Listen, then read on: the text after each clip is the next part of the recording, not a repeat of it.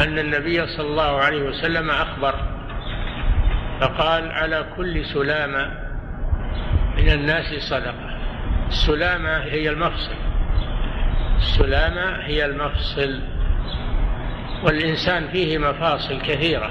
جاء في الحديث الصحيح أن في كل إنسان ثلاثمائة وستون مفصلة منها ما هو كبير ومنها ما هو صغير متفرقة بالجسم ثلاثمائة وستين مفصل. كل مفصل عليه صدقة. في كل يوم. كل يوم عليك ثلاثمائة وستون صدقة. في مقابل هذه المفاصل. يستطيع كل يوم أن يتصدق ب 360 صدقة. الله يسر هذا. الله سبحانه وتعالى يسر هذا. وليس صدقة خاصة بالمال. بل تعم ما هو أعم من المال وكل يستطيعها. في كل يوم تصبح في كل يوم فتعدل بين اثنين.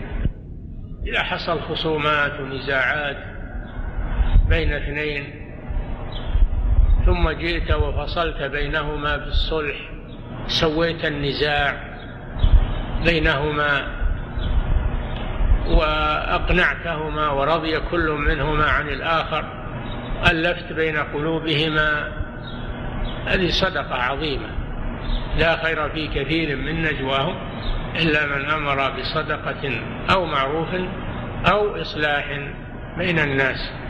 يفعل ذلك ابتغاء مرضات الله فسوف نؤتيه أجرا عظيما. فهذا فيه أن الإنسان يحرص على أن يصلح بين المتخاصمين والمتنازعين لا سيما الأقارب. ولا يترك الناس يتنازعون لأن بعض الناس على العكس والعياذ بالله. يتدخل في النزاع بما يزيده ويحرض أحدهما على الآخر. فهذا شيطان. أما المسلم فإنه ما يرضى إن المسلمين يتخاصمون ويتنازعون بل يحاول الإصلاح تسوية النزاع حتى ربما يتحمل من ماله. يتحمل من ماله ليصلح بين المسلمين الصلح بين الزوجين الصلح بين الأقارب بين الوالد وأولاده والإخوة الصلح بين المسلمين عموما. تحاول إن كل ما وجدت ناس في نزاع وخصومة سوي بينهم تصلح بينهم. هذه خصلة عظيمة. والله جل وعلا لا يضيع أجر المصلحين. تعدل بين اثنين لكن تعدل. ما تحيف مع واحد دون الآخر بل تعدل بينهما ولا يكون عندك هوى. يكونون عندك على حد سواء كلهم اخوان فلا تحيف وتجور بل تعدل بينهما. أصلحوا بينهما بالعدل وأقسطوا إن الله يحب المقسطين. والصلح إنما هو عن تراضي ما هو الصلح عن إجبار. الصلح ما يكون إلا عن تراضي الطرفين.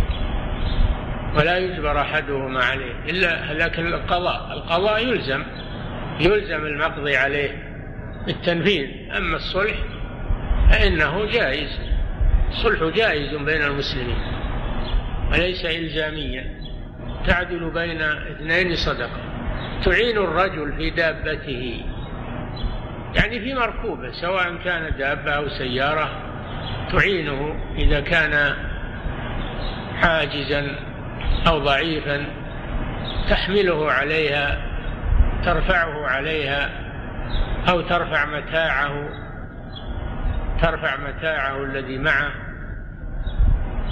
على الدابة أو على السيارة تساعده على حمله ووضعه في مكانه. كذلك تنزيله إذا احتاج إلى تنزيل تساعده. هذه صدقة منك عليه ما أعطيته مال لكن أعطيته الإعانة. الله جل وعلا يقول وتعاونوا على البر والتقوى ويقول النبي صلى الله عليه وسلم والله في عون العبد ما كان العبد في عون أخيه يكون عندك فعل خير. ما إذا وجدت ضعيفا أو محتاجا يريد أمرا من الأمور فإنك تعينه عليه. على ما فيه مصلحة وخير له. الكلمة الطيبة كلمة الطيبة الكلمة الطيبة مثل السلام إفشاء السلام والدعاء لأخيك والثناء عليه من غير إطراء بما يطيب خاطره. هذا من الكلام الطيب. الكلام الطيب يكون بين العبد وبين ربه في ذكر الله والتسبيح والتهليل و... ويكون بين العبد وبين الناس. الكلمة الطيبة صدقة وعكس الطيبة الكلمة الخبيثة. قال تعالى ألم تر كيف ضرب الله مثلا كلمة طيبة كشجرة طيبة؟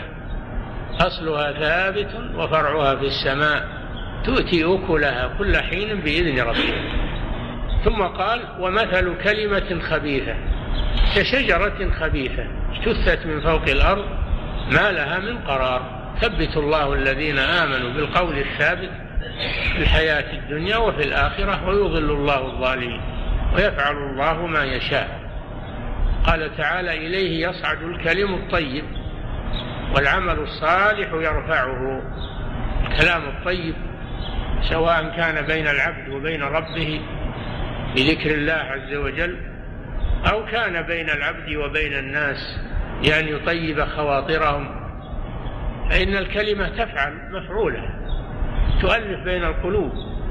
أما الكلمة الخبيثة فإنها تفرق بين المسلمين وتورث العداوة. وكم قامت من حرب وكم سفكت من دماء بسبب الكلام الخبيث الكلام السيء. الكلام خطير جدا إلا إذا كان كلاما طيبا. كلمة الطيبة صدقة. أنت ما أنفقت مال ولا أعطيت دراهم إنما كلمة واحدة. هذه صدقة. تصدقت بها على أخيك. كلمة الطيبة صدقة. وكل خطوة تخطوها إلى الصلاة صدقة. كل خطوة فيها صدقة. افرض أنك بعيد عن المسجد. افرض أنك بعيد عن المسجد. كم تخطو من خطوة؟ مئة خطوة ألف خطوة. كل خطوة فيها صدقة. كل ما بعدت عن المسجد وكثرت الخطوات كثر الأجر. وهذا فيه الحث على صلاة الجماعة حضور المساجد. وفي ضمنه النهي عن تخلف عن صلاة الجماعة. تخلف عن المساجد. فإنك تخسر بهذا خسارة عظيمة. ولك بعدد الخطوات التي تخطوها إلى المسجد صدقات. كل يوم اليوم والليلة خمس مرات. كم تحصل من من صدقة؟ كثير. فضل الله عظيم. وتميط الأذى عن الطريق. عن طريق المسلمين أو عن طريق الناس عموما والدواب. ما تجعل فيه شيء يؤذي المارة. لا أن تضع فيه شيء ولا تترك شيئا وضعه غيره أو وقع في الطريق من غير أن يضعه أحد. اللي يعوق المارة ويؤذيهم من الشوك والحصى ومن المؤذيات تزيله عن طريق المسلمين. لك في ذلك صدقة على الناس لأنك أحسنت إليهم. وقد رأى النبي صلى الله عليه وسلم رجلا يتقلب في الجنة في غصن أزاله عن الطريق. غصن واحد أو شوك أزاله عن الطريق دخل الجنة على عمل يسير. لأن هذا يحسن إلى ناس كثير ما ما أحسنت إلى واحد فقط أحسنت إلى المارة كله. فكيف بالذي يضع الأذى في الطرقات يضع الأحجار يضع الخشب يضع الحديد؟ يضع المياه يرسل المياه تكون نجسة في الطرقات يضع القمائم في الطرقات.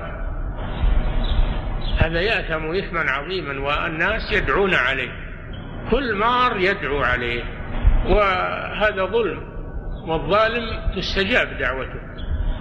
فعلى المسلم أنه يحرص على أن لا يضع أشياء في الطرقات وأن يحرص على إزالة ما يقع فيها من الأذى ليحصل على هذا الأجر العظيم. تميط الأذى عن الطريق صدقة. فهذه الصدقات كثيرة وهي تكون في مقابل هذه السلامات التي فيك. كل واحد عليه صدقة. 360 صدقة. كيف تأديها؟ الله وسع لك المجال. فانتبه لنفسك. وقد قال صلى الله عليه وسلم إن هذه الصدقات 360 يجزي عنها ركعتان يركعهما المسلم من الضحى. ركعتان تجزي عن 360 صدقة. فإذا جمع الإنسان بين هذه الخصال وصلى أيضا ماذا تكون أجره؟ ماذا يكون ثوابه؟ هذا خير كثير لكن قل من؟ ينتبه له. فهذان الحديثان عظيمان. فيهما سعة فضل الله وتيسير تيسير الله جل وعلا الخير لعباده. وأن أنك إذا عجزت عن إنفاق المال فإنك لا تعجز عن هذه الخصال التي لا تحتاج إلى مال ولا تحتاج إلى كلفة. وفيه أنه إذا إذا ندم وتمنى يلحق بأهل الخير. بنيته وفيه أن العادات العادات مع النية الصالحة تتحول إلى عبادات وذلك في وضع شهوته. هذه عادة. إذا نوى بها إعفاف نفسه وإعفاف زوجته والكف عن الحرام صارت عبادة صارت العادة عبادة. فيحسن الإنسان نيته حتى في الأمور.